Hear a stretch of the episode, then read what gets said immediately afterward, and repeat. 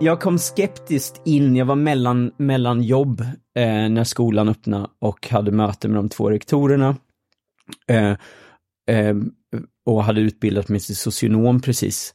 Eh, och de ville mer, alltså jag blev mer ihopsatt med dem eh, tillsammans med bryggeriets verksamhetsledare eh, Ronny Hallberg som var så här, du, du ska nog prata med de här, kanske kan du ha lite input på hur man skulle kunna lägga upp det eller så. Mm. Och i sittande möte blev jag erbjuden jobbet som skateboardlärare.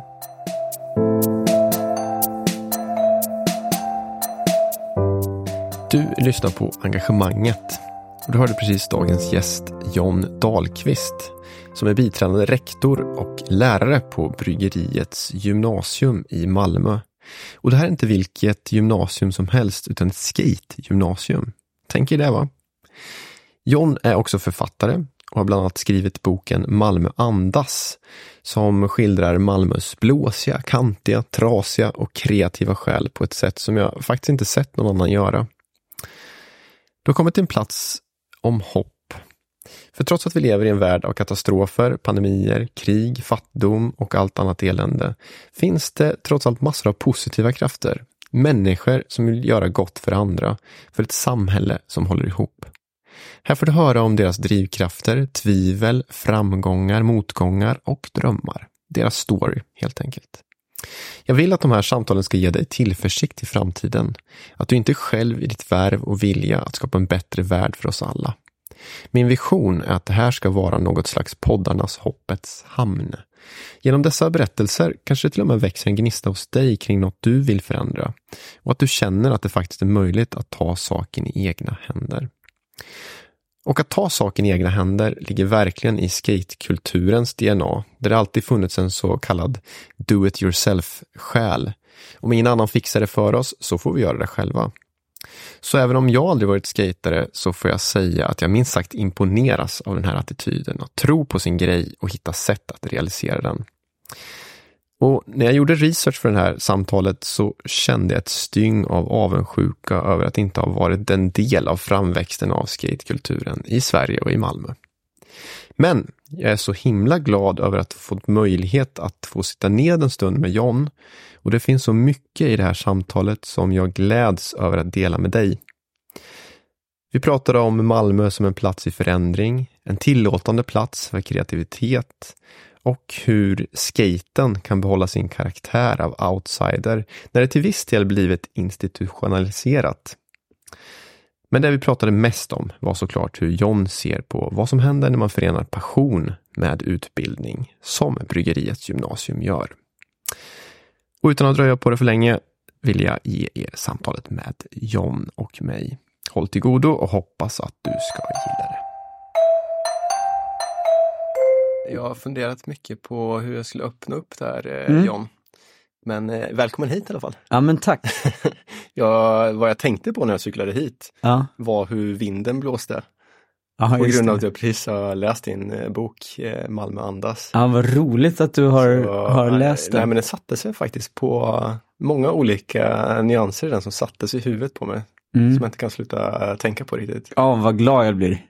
Så där kanske vi, vi kanske inte ska prata så mycket om det, vi kanske kan komma tillbaka till ja, det. hoppas, hoppas det. Kanske kan använda den som, som någon slags klangbotten för, för den kontexten som vi befinner oss i. Men det säger lite grann om eh, våran koppling till varandra som vi egentligen inte har, men vi har ju någon slags rötter i Östergötland.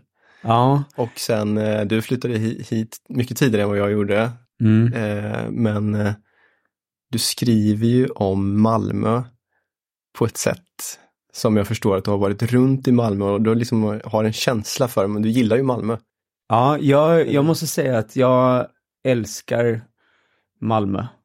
Mm. Och eh, min, den här eh, boken då, Malmö andas, eh, han är ju satt i Malmö och, och eh, platserna är ofta baserade på platser som jag har har liksom hittat via, via skateboard. Eftersom att jag tror att jag, alltså vi under de, de alltså sen 90, vad är det? Det är 30, 1990 började jag skata i Malmö. Så det är en, är det 33 år? Mm. så tror jag nästan att vi har varit liksom överallt i hela stan. Mm, för jag misstänkte också när jag läste så att skaten har tagit det runt till och också kanske till ganska udda ställen. eh, Ja, Så här, baksidorna om man får säga så. ja men precis. Och nu, nu spelar vi in det här i, i, på Slakthuset som är liksom precis Jaha. på gränsen till Västra Hamnen. Ja. Och, och det var ju liksom ner, en gata ner så börjar ju den här metamorfosen som Malmö har gått igenom sen i princip Bo 01. Mm. Ehm, och, och som sen liksom bara har, har fortsatt och fortsatt och gett Malmö ett helt nytt ansikte. Men också stan helt nya möjligheter, tänker jag, där eh, den skolan som jag jobbar på eh, är, är liksom nästan internationellt sett har blivit ett, en del av Malmös ansikte, i alla fall i skateboardkretsar. Ja, visst, absolut. Och, och att det är just, just den här stan i förändring som, som är lite modig och vågar göra, göra innovativa saker, eh, tillåter eh, det. Mm. Och dessutom har liksom boostat det för att, för att då Malmö, om man kan prata om Malmö som en, som en, en liksom en, någon slags entitet, eh, har, har tyckt om att utvecklas och, och, eh, och liksom kasta av sig, ja, ömsa skinn, tror jag, är, det, är det, den, det enklaste sättet att, att se på det. Ja, det finns så mycket att prata om, om stadsutveckling som är spännande Ja. tycker jag. Men det kommer ju också tillbaka till, tänker jag, i förhållande till eh, bryggeriet och bryggeriets gymnasium eh, där. Eh, Mm. Men, eh, men jag, jag funderar också på, John, här att när en stad utvecklas så som Malmö har gjort så finns ju en risk att de här baksidorna som, är, som vi gillar så mycket försvinner Mm. också. Mm, verkligen. Eh, det gör ju det. Mm. Och, ehm, och i liksom parallellen till min liksom, eh, min, min grund finns ju hela tiden i, i skateboard. Det är så jag är uppväxt och det är där jag har mina referenser. Skateboard har ju gått igenom eh, en jättestor förändring här när det har blivit OS-sport till exempel. Mm. Och, och institu, institu, institutionaliserats via att man har gjort det till ett skolämne där jag liksom i Mm. allra högsta grad är skyldig. Och då finns ju också den här oron hela tiden att man ska, att man ska ta bort det som är, tvätta bort det som är det genuina och, och rötterna och, och, och liksom all, allting som de, de kanske, som var med från början eller de konservativa eh, sätter så högt värde på. Och i skateboard så har det visat sig att ju mer man försöker liksom tvätta det, polera det och paketera det, desto starkare blir den här DIY-kulturen. Och I, inåt menar du då? inåt, Bland- ja, precis. Och jag kan hoppas att Malmö och också se att Malmö klarar av att göra det också samtidigt som som, eh, som det växer och blir flashigt och, och liksom sådär. Så hoppas Precis. jag att de där, liksom om man får kalla det baksidorna, också bara eh, liksom växer och blir, blir starkare och bättre. Har du någon favorit bland de här? eh, Har du något sånt smultronställe som ni har upptäckt? Det kanske du inte vill berätta om? I Malmö? Ja, Mm. Ehm, det är ungefär som sina fiskeställen. Oh. Så här, så här, man, kan, man, man har sina ställen, men man vill inte riktigt berätta om dem. Nej, det, alltså det där är, det- det är, är svårt. Alltså det första som jag tänker på är stenarna. Alltså vi badade vid stenarna nere vid helikopterplattan eh, I Västra hamnen. i Västra hamnen Mm. eh, innan det bebyggdes. Jaha. Och det tycker jag fortfarande är en sån plats som när hela Västra hamnen är fullt, är stenarna som vi kallar det, eh, liksom fortfarande lugnt. Ja, just det. Så det är väl ett sånt eh, ställe. Sen eh, hundfältet är gött. När man har hund. När man har, när man, när man har, när man har hund ja. Ja, det håller jag med dig om. ja. Och havet. Men du, John, jag, jag, Ja. också, jag är inte skejtare själv, så att en del av frågorna som jag ställer, jag ställer alla frågor av nyfikenhet. Mm. Det är det kanske blir utgångspunkten. Konstiga frågor utifrån ditt perspektiv. Men eh, till att börja med så skulle jag vilja höra om du bara kan ta tillbaka i tiden lite grann så här till Mm. början på 2000-talet kanske, om det är en rimlig utgångspunkt. Så här. Mm. Hur, som, jag såg ju på den här filmen du skickade, jag tror att du länkade till den filmen i alla fall. Men det var en film där man såg dig och lite kompisar från så här, början på 2000-talet som skejtade i, i Malmö. Ja. Det kanske inte var du som skickade, men hur som helst så såg det, det så så um, det, det fanns någonting i det där som jag blev nästan lite avis på. Liksom. Jag har inte varit en del i det eh, communityt och jag såg så mycket entusiasm och glädje mm. och passion. Liksom, så här. Ja. Hur var det när ni var pionjärer där Alltså, det, allting jag säger nu kommer ju vara efterkonstruktioner per, med per, per definition. Men, men jag kan bara säga att jag är så himla, himla, himla tacksam över att eh, ha fått vara, vara del och bygga den, den skateboard, den delen av skateboard som Malmö eh, liksom hade under den tiden. Um, och tacksamheten kom, kom ju såklart i, i efterhand. Under den tiden så kändes det bara som en nödvändighet och, och precis som du sa, en, en passion. Men när jag tittar tillbaks eh, så kan jag imponeras över hur de här vilsna tonåringarna lyckades eh, skapa grunden till så mycket, till det som, som blev eh, bryggeriet, som blev bryggeriets gymnasium, som blev olika skateboardföretag, som, som också blev skapade liksom bilden av en stad eh, i, i media, även om då skateboardmedia är en pytteliten bubbla liksom. Eh, och det, det kan jag i efterhand se att det var jäkligt häftigt eh, och på något sätt imponerande över hur mycket kreativitet som fanns i, i det där gänget mm. utan att vi hade facit eller visste hur man skulle göra. Mm. Vi bara härmade de vi tyckte var var liksom de coola i USA, eller vad man ska säga. Och så visade det sig att vi, att vi gjorde rätt så bra delar av det. Och nu ser eh, andra delar av världen på er. Ja, det är, ett sånt, det är så jäkla märkligt när, när någon eh, eh jag blev som en 14-åring för två veckor sedan när, när en, ett av mina absoluta så favoritproffs som jag såg upp till och liksom kolla vad han hade för brallor och t-shirts och liksom mm. bara ville, ville se likadan ut som och tyckte det var så jävla cool. Som, eh, som skrev ett, eh, ett DM om, eh, och hade lite frågor om, om mitt jobb och, och, eh, och sådär. Och så då, då tänkte jag på, tänk om, om min 15, 16, 17-åriga jag skulle, skulle få ta del av, av det.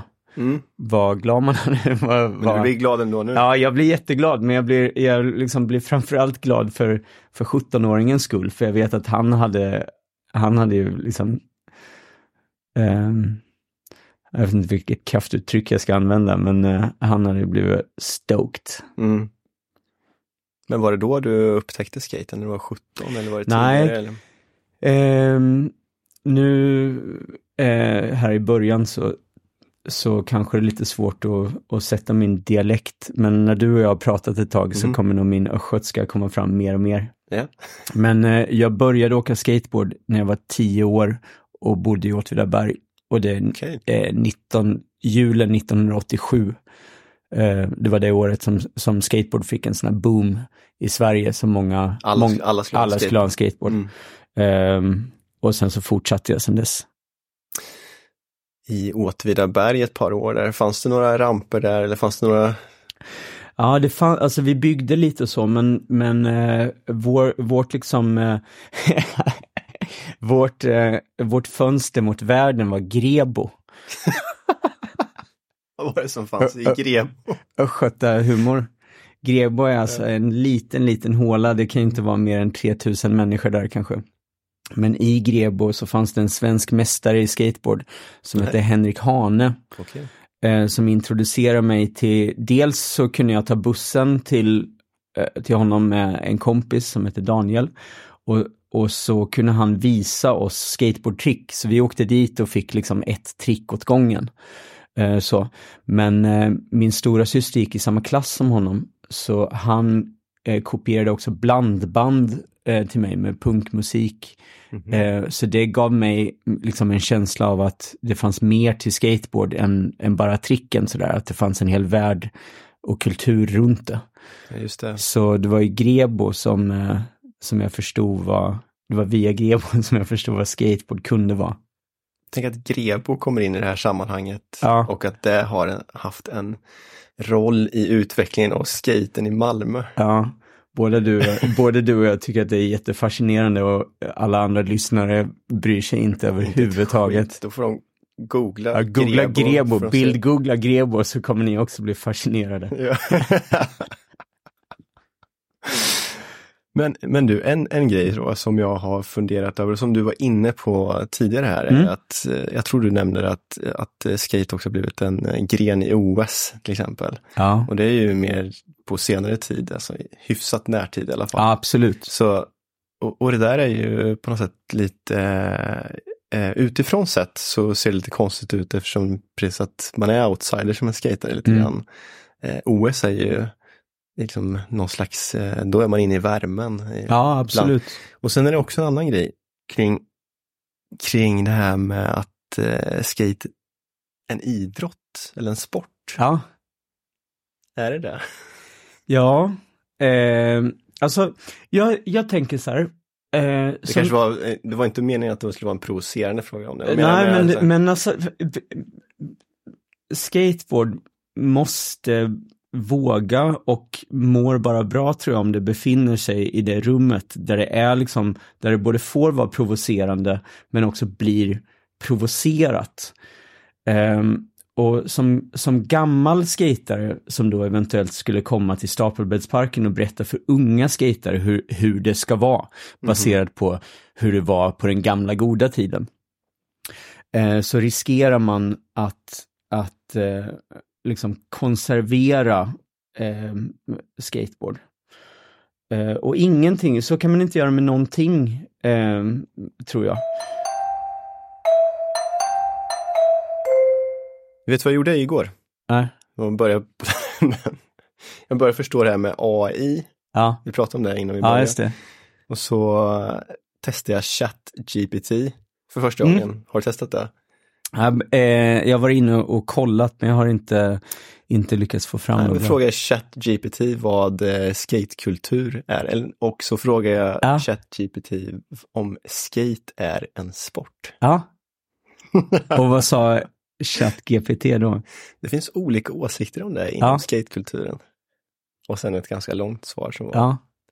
Intressant. Ja, men okej, det jag men jag, jag, jag, jag vill ge det ett försök till. Och Mm. om man tänker så här att jag då i egenskap av, av äldre skatare skulle komma till Stapelbäddsparken och, eh, och liksom eh, ha synpunkter på hur, hur en yngre generation tar sig an skateboard.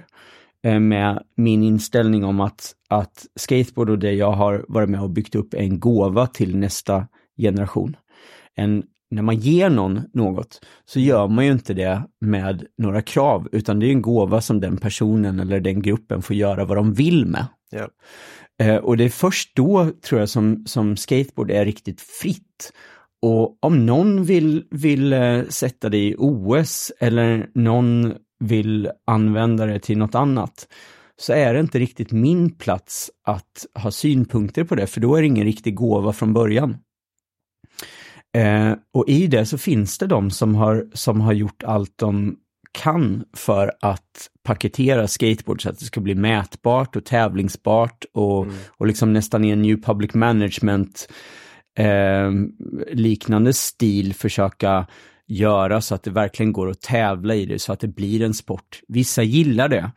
Och, och vissa hävdar att det, det liksom gör att man får mycket mer anslag till att bygga skateparker och så. Andra vill inte ha med den skiten att göra alls. Och, och nu så har det gått så långt så att de två verkar kunna samexistera rätt så bra.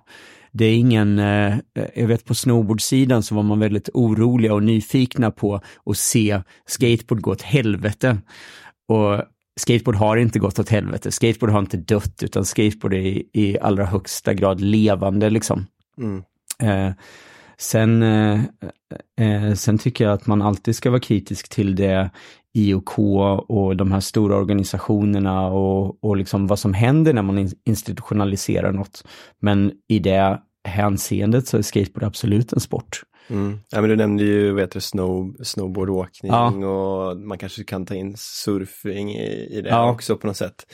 Så att det finns ju någonting i det där från början, något slags motstånd mot normer och mm. som har varit liksom lite, om man jämför med fotboll till exempel, som kanske alltid har varit mer eller mindre tävlingsinriktat, ja. så, här, så finns det någonting annat i en annan typ av kultur inom skaten. Ja, skapat för, skapat för tävling. Däremot så ska man komma ihåg, mm. de som driver skateboard mot OS, eller drev, nu är de framme, de tillhör ju en generation av skatare som tävlade skitmycket. Alltså på 80-talet mm. så, okay. så tävlar man ju jättemycket. Okay. Och definitionen av proffs var ofta första gången man var med i en proffstävling så blev man proffs. Okay.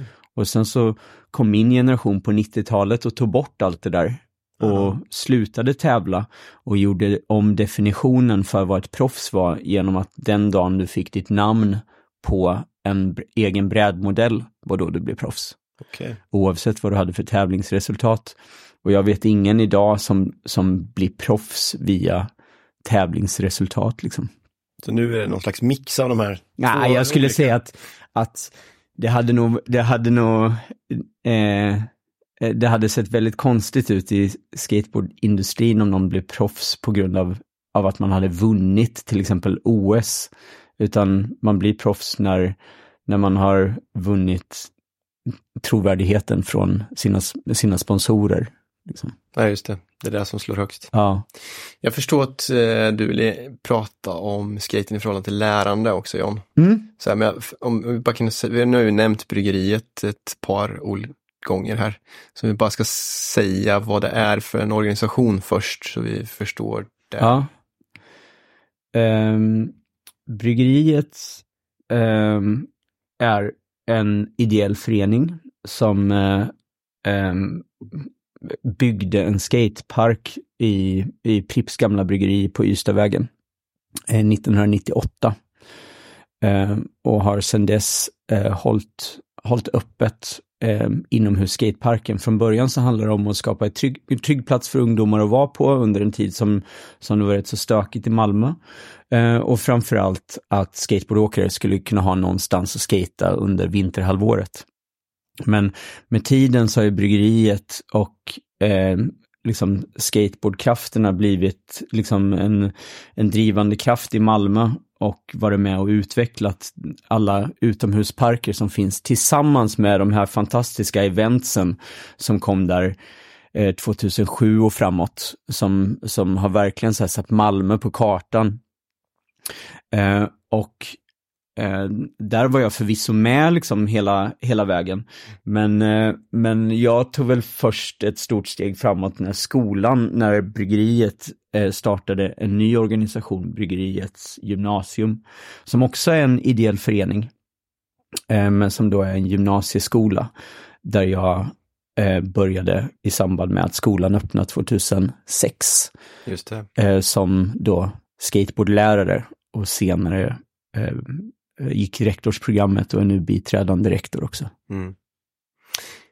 Alltså det är ju någonting eh, här i kopplingen mellan skate och utbildning mm. som jag också tycker är sjukt eh, spännande. Mm. Och det handlar ju om det här med att man tar tillvara på människors passion och kombinerar det med att lära sig någonting annat också. Ja. Du lärde ju skaten på skolan, ja. men du lär ju också de andra ämnena, mm. antar jag, som historia och matte oh, och ja. engelska och så vidare. Absolut. Så jag bara tänker på eh, så, ja, varf, Du sa ju så här, det var inte självklart att öppna en skola, det fanns inte ens på, på, på agendan. Liksom. Hur, men hur kom idén upp då?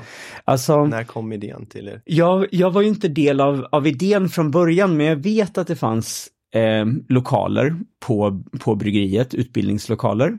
Mm. Eh, och eh, när friskole, när, när det började öppna, öppnas massa friskolor eh, eh, så, så fanns det en möjlighet för ideella organisationer att ansöka om tillstånd att, att starta en skola. Mm. Så eh, bryggeriet gjorde det och fick ett sådant tillstånd.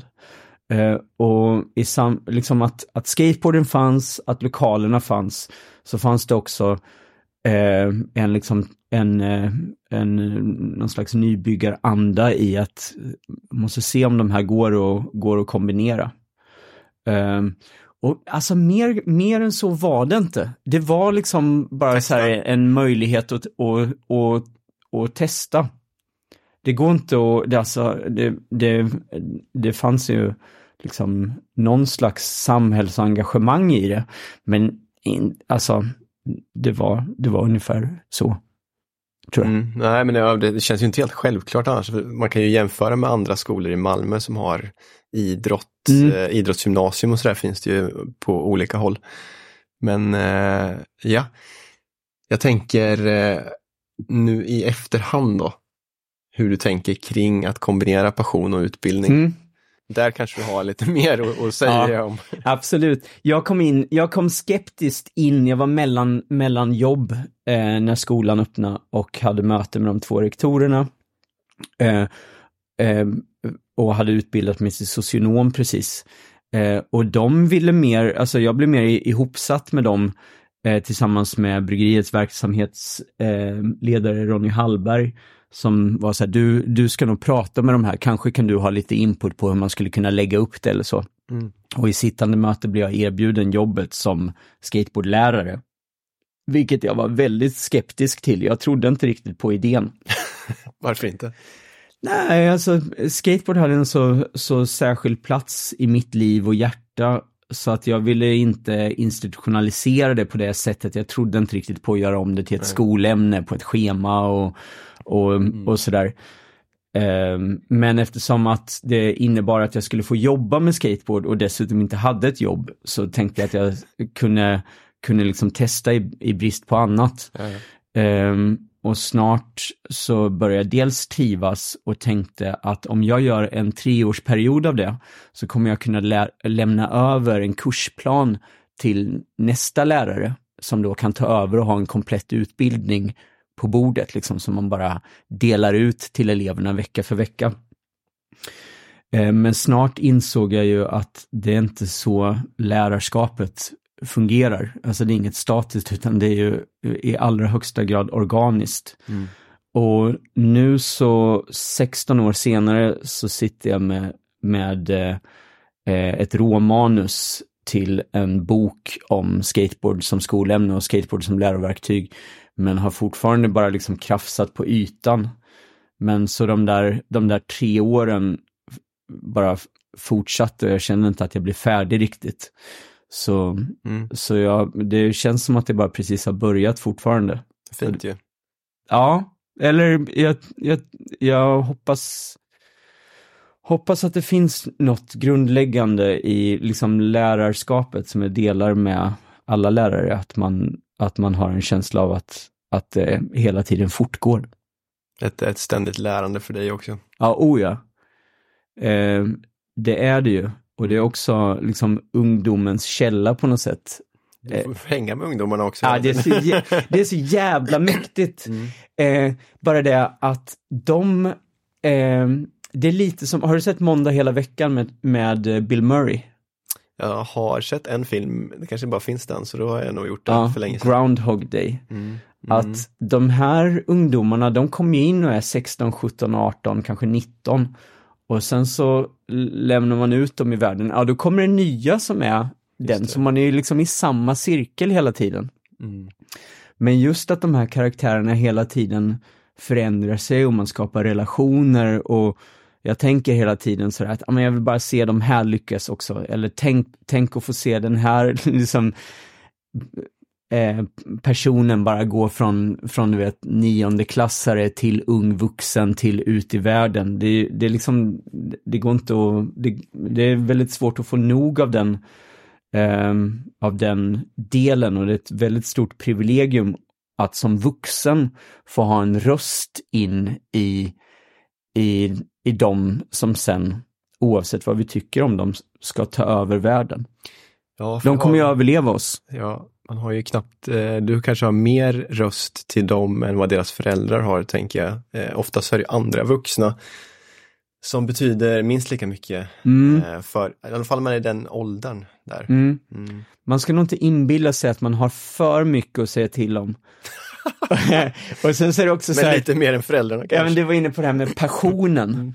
Att de här drivna skateboardåkarna som älskar, alltså som är så passionerade eh, kring det här, ja, som är rätt så besvikna också efter ett par veckor när de är så här, ja, jag har drömt om den här skolan sen jag gick i, det händer att jag får mail eller träffar femteklassare som säger att de ska gå på skolan. Så kommer de upp i nian och så går de i några månader så bara så här, ja, ja, det här är fortfarande matteprov, det är fortfarande liksom eh, samhällets eh, fängelse, alltså någonting som är påtvingat. Eh, och, och sådär. Däremot så finns det ju jäkligt feta stunder av, av passion som jag får vara med om när, när någon liksom vägrar, vägrar ge upp och som liksom gråter över att inte klara sitt, sitt trick. Mm. Eller som jag behöver gå hem och säga att du måste, du måste gå nu, vi har slutat. Som bara säger så här, ge mig tre försök till så jag lovar att jag sätter det. Och Ja. om man översätter det till skolspråk så är ju det en elev som säger, jag vill lära mig och jag är beredd att göra Mm. vad som helst för att, ehm, för, för att klara det liksom. Om man kan få bara en droppe av den bägaren och spilla över till någonting annat i livet, då har man ju förstått lärandets dynamik eh, och kan göra jäkligt häftiga grejer. Och det, där tror jag att skateboard kan ha en viktig eh, funktion, om man spelar sina kort rätt och lyckas förmedla det. Mm. Du var inne på det här med institutionalisering, svårt ord, nu lyckades Ja. jag säga det. Ja. Vad gör en Men, men det distributör? var, din, eh, det var din första tanke där när du blev erbjuden jobbet. Mm. Eh, hur, hur ser du på det nu då? För för att om man ser på liksom Alltså nu tycker jag att det är gött att Ja. institutionalisera skateboard. Jag, jag tycker att det är roligt att se hur långt man kan dra det liksom. Okej, Men förlorar man ingenting i det där då? Jo, det finns ju jättestora risker. Och jag brukar, alltså jag, eh, jag har ju redan växt upp. Jag lägger mer det på, på eleverna och undrar, alltså de som tycker att de är så här street coola, Mm. brukar jag fråga, är det då, eh, ska man då gå en skateboardskola liksom? Är inte det töntigt? Kan du säga det till eleverna? Ja, jag, jag tycker att det är en viktig diskussion att ha. Ja, visst. Mm. Med glimten i ögat såklart. Mm. Men ehm, jag har fattat, och jag tror man ska vara medveten om att man, eh, när man gör en sån här sak så jobbar man nära eh, det som ligger eleverna eller ungdomarna närmast och deras identitet. Och det måste man, det måste man vara försiktig med. För att om man går in och domderar där för mycket så riskerar man att, att liksom göra skada på djupet eller vad man ska säga. Så jag har en princip som jag införde väldigt tidigt eh, för att liksom, jag tror att det var kanske för att skydda mig själv, men som jag tror skyddar både eleverna och vår gemensamma take på skateboard. Och det är att när jag eh, ska göra någonting nytt, typ en, en skoluppgift eller ett nytt arbetsområde, så frågar jag alltid eleverna först om de, om de ställer upp på upplägget. Om det är någon som har synpunkter på det så kan, vi, så kan vi ofta använda det för att twista det så att det blir bättre. Och om det är någon som har en annan idé så försöker jag alltid utgå från den istället. Eh, för att vi vet att idéer som kommer från de som ska genomföra dem alltid är bättre. Bara man uppnår lärandet. Alltså jag måste ju ta ansvar för att för min kurs och att eleverna lär sig det man är, man är tänkt att lära. Men där, där försöker jag vara, vara liksom försiktig. Men eh, eh, alltså i den åldern, de är mycket mindre konservativa och mycket mer öppna än vad till exempel jag själv var i den åldern. Alltså, okej. Ja, herregud! Är det något med generationen eller är det mer personligt, tror du? Eh, generationen, Mhm. alltså eh, saker som eh, homo, alltså när man, när man är så mycket killar som det är, så homofobi till exempel, finns inte. Okej, Eh, prata känslor, helt okej. fint. Eh, psykisk ohälsa, alltså det, det finns en sån otrolig värme och eh, ömhet i, eh, i det jag, jag ser som inte fanns när jag var i den, den åldern. Och Nej, det, nej, det är det. generationen absolut. Snälla upplever jag att, alltså det finns en väldigt värme och, stor värme och snällhet. Det låter bra och hoppingivande. Ja, verkligen. Det är nog det, det är, det är nog liksom det, det som jag tycker är häftigast med, med dem, om man får säga så. Mm. Men du får plocka upp det där du sa förut också om det här med att eh, eh, vägra gå hem innan man klarar de här, Ja. det här, det här tricket. Så här, för det känner jag igen så himla väl i, i de, från de idrotter jag har hållit på med. Så här, bara lite till, jag måste bara Mm. en gång till, en Ja. boll till eller vad det nu kan vara. Så här. Jag älskar den känslan. Ja. Har du lyckats att hitta bryggan över från eh, skaten till, eh, till utbildningsmomenten? Då? ja, ibland. hur, alltså- som, hur ser det ut? Och... Det är ju, det är inget statiskt, men eh, jag eh, har en sån himla, himla tur, tänkte jag från början, och det är att, att eh, jag har massa, massa kontakter in i skateboardvärlden, alltså skateboardmedia, skateboardindustri, eh, ambassadörer och skateboardproffs. Så jag försöker att om, om en elev eh, visar intresse för någonting som finns utanför skateboard eh, så, så brukar jag försöka att fixa kanske eh, att den får träffa någon som jobbar med det man är, man är intresserad av. Eh, eller ett studiebesök eller, eller fixa ett, ett lite frilansjobb eh, jobb om man tycker om att skriva, kanske, kanske hjälpa att få den, den publicerad i någon tidning eller så. Ja, just det. Eh, och om, om bryggan där är att det är någon annan skater som, som, som jobbar med det. Eh, och skater finns liksom, det finns över hela spektrat. Det är liksom, eh, vi har god kontakt med forskare på olika universitet, sk- eh, skateboardproffs som tidigare har gått på skolan.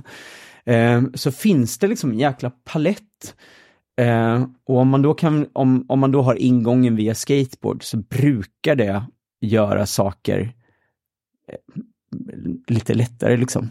Mm. Och sen så Ehm, eh, från början så var jag så tacksam över att, att folk ställde upp och det är jag förvisso fortfarande. Men jag tänker också att, att jag är i en position, jag är ingen person som man får säga nej till. Alltså om man är skateboardåkare och det kommer en annan skateboardåkare som jobbar med att utbilda nästa generations skatare till att ta över världen. Och man frågar så här, kan du publicera den här texten i din tidning eller kan du ta emot den här personen för ett litet studiebesök eller komma till skolan och berätta om ditt jobb? Då kan man inte säga nej. Alltså det är ett grundläggande fram det. det, det är ett grundläggande, det är en grundläggande skyldighet man har mot Ja. samhället på något sätt att ställa upp på nästa generation. Och så där, eh, det är aldrig någon som säger nej. Jag, jag börjar fråga smått liksom, nu, nu har frågat liksom, ja, ve- vem som helst. De flesta tycker att det är svingött att komma in på en skola och få träffa Man vill Eh, hjälpa andra. men precis. De flesta människor vill hjälpa Ja. andra.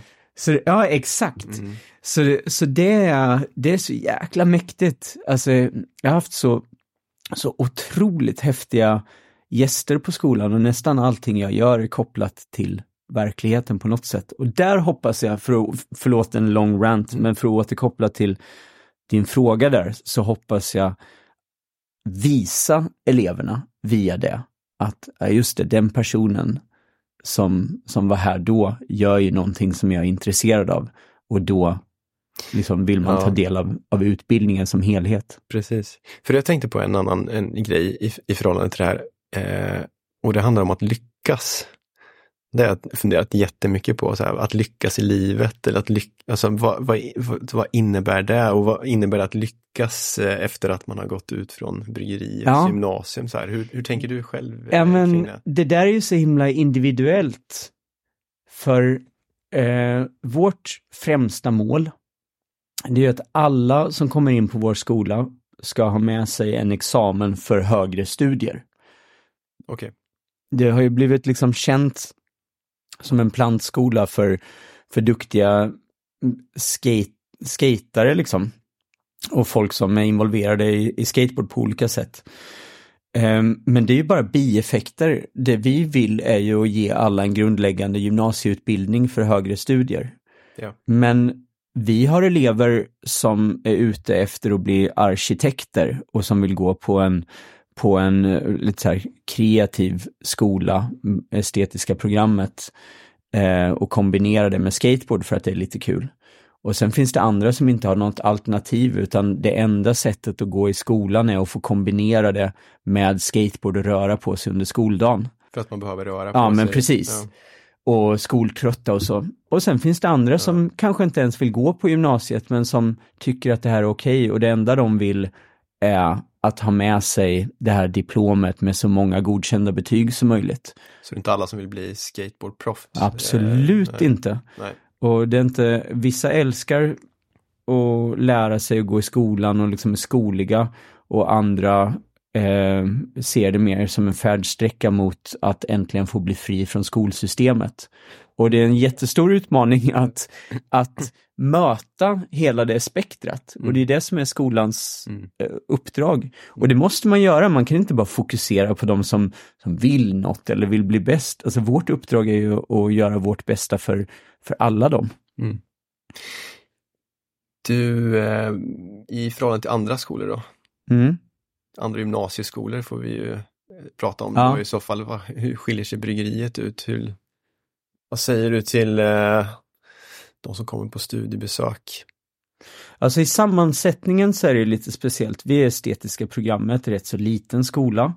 Våra elever flyttar ofta hemifrån för att gå på vår skola. De kommer från andra platser. Ja, Mm. en tredjedel kommer från Norge, Danmark, så långt bort i Sverige så att man måste flytta hemifrån. Mm. Och sen så en tredjedel är från pendla långt och en tredjedel är från närområdet. Liksom. Så det gör ju en sammansättning eh, som, som blir rätt så speciell. Alltså det, det, alla tre skandinaviska språken pratas plus lite isländska emellanåt. Eh, men eh, det har visat sig att eleverna trivs på skolan. Eh, och de flesta tycker att det känns som, en, som ett tryggt ställe. Liksom. Jag upplever att våra elever är generellt sett snälla och jag kopplar det till att många är ensamma när de kommer. Så att alla behöver ha vänner och då, är det, då måste man vara rätt så schysst för att få kompisar. Liksom. Och det tror jag genomsyrar eh, skolan rätt så mycket. I en Sune-film så säger Sune så här, om du vill ha en vän så måste du vara en vän. det kanske kan stämma. Mic drop. Ja, jo men jag, jag, jag borde man kanske skriva på någon vägg i något snirkligt typsnitt. Citat Sune. Ja. Inte så cool kanske. Carpe diem. Men, ehm, eh, jo men det ligger nog någonting i det och sen så är det ju en rätt så fri, fri skola liksom. Öppna, öppna lokaler och, och, och sådär. Ehm, och jag har rätt dålig koll på hur andra gymnasieskolor är. Jag har ju inte jobbat på någon annan skola. Det. Och, och besöker tyvärr inte andra skolor så mycket. Det både önskar jag och borde jag nu göra. Och du är skateboardlärare delvis och sen är du biträdande rektor. Ja, Så jag förstår ju det första är att du har eh, liksom kurser i, i skate, ja. eller hur? Men sen förstår jag inte så mycket mer. Nej. Handlar det om att nå upp till vissa krav där också? Att man måste Ja. lära sig vissa tricks? Och så. Nej. Hur, hur, hur funkar det? Alltså, det är lite knepigt. Vi, vi, ehm, eh, vi har fyra stycken kurser som skateboardprofilen, som vi kallar det, bygger på. Eh, så då har du idrott och hälsa, eh, som är precis som jumpan vi hade i skolan. Mhm. Men den heter idrott och hälsa specialisering och speci- specialiserar sig då på skateboard. Okej. Eh, och då ska man ha eh, ett, eh, ett eh, kunskapskrav är eh, goda, goda rörelsekvaliteter och balans. Och det översätter vi då till att man ska kunna grundläggande skateboardtrick. Okej. Eh, och sen så, så går vi igenom det med eleverna och kollar så här, hur, hur, ska, man, hur ska man förstå det här? Vad, vad är det? Och så kan det vara så att man eh, säger att ja, men om, om, eh, om vi filmar en, om vi gör en film där alla är med och alla filmen innehåller ett nytt trick som ingen av oss har satt tidigare. Då kan vi ju säga att vi har goda rörelsekvaliteter, eller hur? Ja, säger jag då. Och så gör vi det. Och så lägger vi några veckor på att producera en, en film som någon sen får klippa och, och så. Då gör vi någonting som är väldigt skatigt samtidigt som vi uppnår de kraven. Liksom. Mm. Och så finns det lite idrottspsykologi. Vi jobbar mycket med rädsla, eh, pratar mycket om psykisk ohälsa eh, i ett skateboard, skateboard-kontext, men man uppnår samma kunskapskrav som man skulle i, i en annan kurs, men vi liksom försöker twista det. det till skateboard. Så läser vi träningslära som, som är rätt så klassiskt sådär, häl, hälsa. Men eh, tar ofta hjälp av, av saker som finns i skateboardvärlden. Eh, fysioterapeuter som inriktar sig på skateboard och skateboardproffs som arbetar på olika sätt. Och sen så läser mina elever också en designkurs mm -hmm. som är grundläggande eh, designprocess.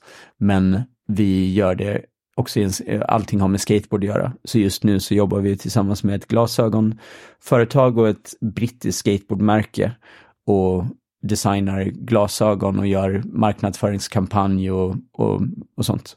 Och så är de så schyssta så att de skänker eh, 100% av vinsten till elevernas klasskassa så att vi kan åka på en skateresa sen. Okay. Så, så lite så, mm. vi liksom försöker att och, eh, och liksom översätta det till skateboardska. Ett nytt ord. Ja. och sen är du biträdande rektor. Mm. Vad gör man då? Då eh, eh, spelar man in podcast och pratar utbildning. Ja, det där du gör på den här ja. tiden, ja. Okay. Nej, men, men eh, det handlar ju om att, att arbeta skolövergripande med mm. eh, och se till så att skolan är en organisation. Alltså skolan eh, behöver ju inte nödvändigtvis vara en organisation. Man kan tänka sig att lärare bara har hand om sina kurser och att eleverna går eh, från kurs till kurs och att de kursbetygen bygger upp eh, examen, diplomet. Mm. Eh, och som skolledare så handlar det mycket om att få eh, skolan att fungera som en, som en enhet. Liksom. Och också såklart att stötta alla elever som, som behöver olika saker för att skolan ska funka. Mm. Du, sen håller du på, eller du sa att du har skrivit en lärobok, den håller på att eh, redigeras. Det sista, mm.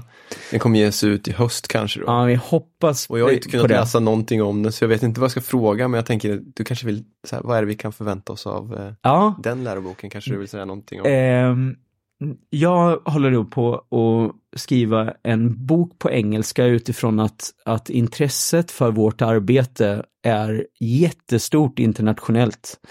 Um, vi har gjort eh, ja, otal dokumentärfilmer och vi har ofta internationella besök och, och sådär som är nyfikna på hur det här går till. Och, och jag föreläser en del också internationellt och har jobbat ute och sådär. Eh, och ur ett eget behov av att förstå mig själv men också förhoppningsvis kunna förmedla några av de grejerna som vi gör så har jag liksom under ja, kanske fem, sex, sju år eh, liksom försökt att summera vissa delar. Så nu har jag fått ihop ett, eh, ett utkast till en bok i tre delar där den första delen handlar om, om eh, lärande och utbildningens funktion i, i sam, skolans funktion i samhället. Liksom. Eh, och den andra delen om, om skateboard som läroverktyg och den tredje delen om olika övningar man kan göra med, med skateboarden eh, för att utvecklas. Så det riktar mm. sig till liksom tre olika målgrupper kan man säga, där den sista kanske är de här coacherna som finns för de olika landslagen eller, mm. eller de som har skateboardklubbar och så. Mm. Och den andra delen är kanske den som intresserar mig mest, alltså skateboardens dynamik i förhållande till lärande. Just det. Men du skulle vilja säga mer om det, skolans funktion i samhället. Mm. Vad lägger du i det? Vad tänker du om det? Um, om, om vi pratar gymnasieskola, för, för det första så, så är det viktigt att, att förstå att jag tror på utbildning som kanske lösningen till alla de stora eh, utmaningarna som vi står inför inför framtiden.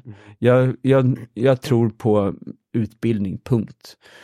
Eh, och då i gymnasieskolan är ju den sista utposten som unga människor går igenom innan det är dags att, att liksom gå ut i världen och, och skapa sin egen framtid. Mm. Um, och där så kan man tänka sig att gymnasieskolan är som ett mikrosamhälle. Vi har i princip ett, tvärs, ett tvärsnitt av samhället som samlas där.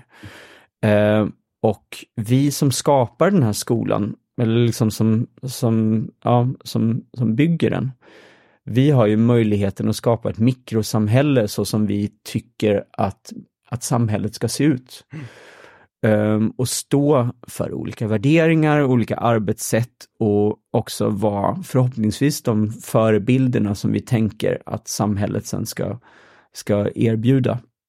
Till exempel så är det så att om du kommer för sent i gymnasiet till en lektion så blir du inte straffad och du kan försova dig tio gånger utan att du blir utslängd. Medans eh, efter studenten så kan du försova dig kanske tre gånger, sen blir du av med jobbet.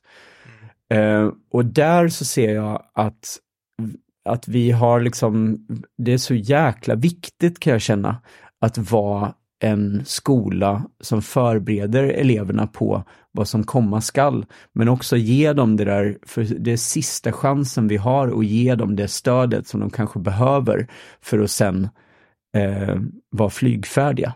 Flyga iväg. Ja. Det är intressant att du säger det på det sättet, eh, tänker jag. Sen så fortsätter ju det lärandet vidare i, i livet sen också mm. på många sätt. Ja. Men jag tror du sa det tidigare också, när man är i den åldern man är kanske mer flexibel i eh, en själv mm. och vem man är och vem man kan vara och vem man ska bli på något sätt. Så det är en väldigt spännande fas eh, ja. där som eh, ni är med och påverkar eh, på något sätt. Ja. Och gör det... ett stort avtryck eh, på alla de människorna som går igenom, eh, går igenom skolan.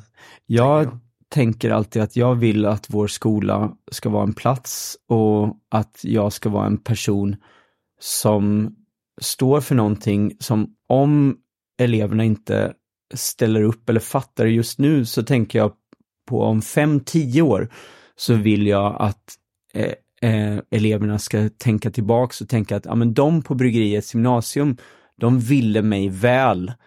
De gav inte upp och de, de liksom försökte hela tiden stötta mig i min utveckling. Ja. Det är ju oftast först ett antal år efteråt som man kommer på det där. Ungefär som att ja, men, äh. mina föräldrar var inte så dumma, de ville nog ja, väl precis. Ändå. Det är också så häftigt att under den perioden i livet som, man, som marken bara skakar, så är det ofta så att det är då man är som mest säker på vad man tycker, hur saker är. Och det är liksom imponerande, men ibland så kan man ju stånga sig blodig. Jag brukar prata om David Bowie, att nästan alla går igenom en fas där de är såhär, John, lyssnar du på David Bowie? Och jag säger, nej, det, det gör jag inte. Eh, man är rätt trött på David Bowie liksom efter att man har gått igenom sin David Bowie-fas. Så så här, ja men då fattar du ingenting om musik, du vet David Bowie är det fetaste som finns. Och så bara, ja men jag har lyssnat på David Bowie för länge sedan men man tröttnar om man bara lyssnar på David Bowie. Liksom. Ja, du fattar ingenting. och sen så efter ett halvår så frågar man så här, hur går det med David Bowie? Och så är det så här, nej David Bowie skit, trött på, trött, trött på Bowie. Men under Bowie-fasen så är det liksom det, är det enda och alla som inte fattar det är helt blåsta liksom. Mm. Och det kan man, ibland kan det behövas ett djupt andetag och mycket överseende. att man för att också... jobba med Bowie-segmentet. Ja, liksom. Jag kommer ihåg att man själv har varit där och varit ja. lika tvärsäker på saker och ting ja. i livet. Det stämmer 100% tror jag. Ja. Gå inte i polemik med 17-åringar, alltså då man förlorar 10 gånger av 10. För de ger inte upp. Nej, nej, och de vet ju. ja, exakt. Och det vet inte du. Du inser att du inte vet. Mm. Eh, hörde John, jag tänkte att vi skulle försöka avrunda, men jag var också lite nyfiken på, som om man följt bryggeriet utifrån så ser det ut som att ni har åstadkommit allt på något sätt. Och det kanske inte du håller med om. Men, men det är någonting så här att ni har byggt upp en organisation, både bryggeriet som sådant, bryggeriet gymnasium, ni har eh, byggt Stapelbäddsparken, ni har byggt ut i Sibbar, ni har haft jättestora tävlingar och så vidare och så vidare. Mm. Vad är nästa grej? Ja. Undrar man ju då. Ja, men, ehm, eh, jag är jätteglad att ha varit en del av allt det du, det, det du nämner, men, men eh, det är liksom främst med skolan som jag känner att, att, att jag verkligen har haft den, den impacten att, att bygga liksom. Men för min del är det så lyxigt eftersom att, precis som vi var inne på den måndag hela veckan, att det hela tiden kommer en ny generation som skiter i vem jag, vad jag gjorde förra året. Utan du, min utmaning ligger ju hela tiden att och, och, och ge den nya generationen eh, lika mycket som, som, eh, som den förra klassen fick. Och dessutom så vill man ju helst att det ska bli lite bättre. Mm. Ehm, så det, det liksom är ju eh, ett hål som man kan fortsätta gräva i all evighet. Just det. Och att luta sig, alltså jag kan säga om man lutar sig tillbaks som lärare och tänker att ja men nu har jag gjort det. Nu har jag kommit på det. Ja, då är det ju dags att kasta in handduken och då, då liksom eh, eh, får ju inte, får ju inte nästa, nästa klass ta del av det. Så det är bara, det, kolla inte så mycket bakåt utan kolla framåt. Men visst, det, det är jag jättestolt över att, att vara en del av, av alla de där eh, grejerna. Mm. Men om man, eh, och, jag brukar också avsluta med så här, om den som lyssnar vill veta mer om byggeriet eller kanske är nyfiken på skolan som Ja. sådan, så här, var ska man, vad gör man då? Vart vänder man sig då? Eh, alltså, skolan, eh, b- b- det finns så, eh, jag tror att det finns över 20 olika dokumentärfilmer på olika liksom, plattformar och så, men vi, vi gjorde en rolig grej med, med Pocket Mag för bara några månader sedan som heter Followed. Den tycker jag man kan, kan eh, eh, kolla in, finns Mm. på, på Youtube. Och sen så eh, finns det en jättefin artikel i senaste numret av Free Mag, eh, Europatäckande skateboardtidning, som handlar lite om skolan men framförallt om, eh, om eh, skateboard och utbildning Mm. som jag varmt kan rekommendera. Mm. Och om man bara vill, eh, inte vill gå i skolan men komma och skejta eh, någonstans här, om man inte känner till ah, skatemiljön här, var ska man börja då? Ja men då är det nog, det, det bästa är att åka till, till Stapelbäddsparken. Det är häftigt där eh, att året runt, så länge det är torrt på marken, så är det någon där i princip 24 timmar om dygnet. Mm. Det är liksom att, att eh, så kallat aktivera det urbana rummet som, som så många vill göra, eh, på ett så, lyckas göra det på ett sånt sätt helt enastående. Mm.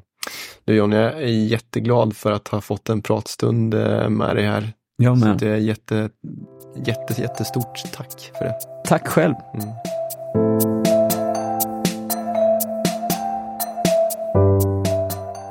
Det var allt för idag. Tack för att du har lyssnat. Om du gillade det du hörde så skulle jag bli hemskt tacksam om du delade avsnittet vidare i ditt kontaktnät. Jag skulle också uppskatta om du vill recensera avsnittet, lämna en kommentar eller reflektion eller helt enkelt ge mig ett förslag på vem jag borde träffa härnäst i podden.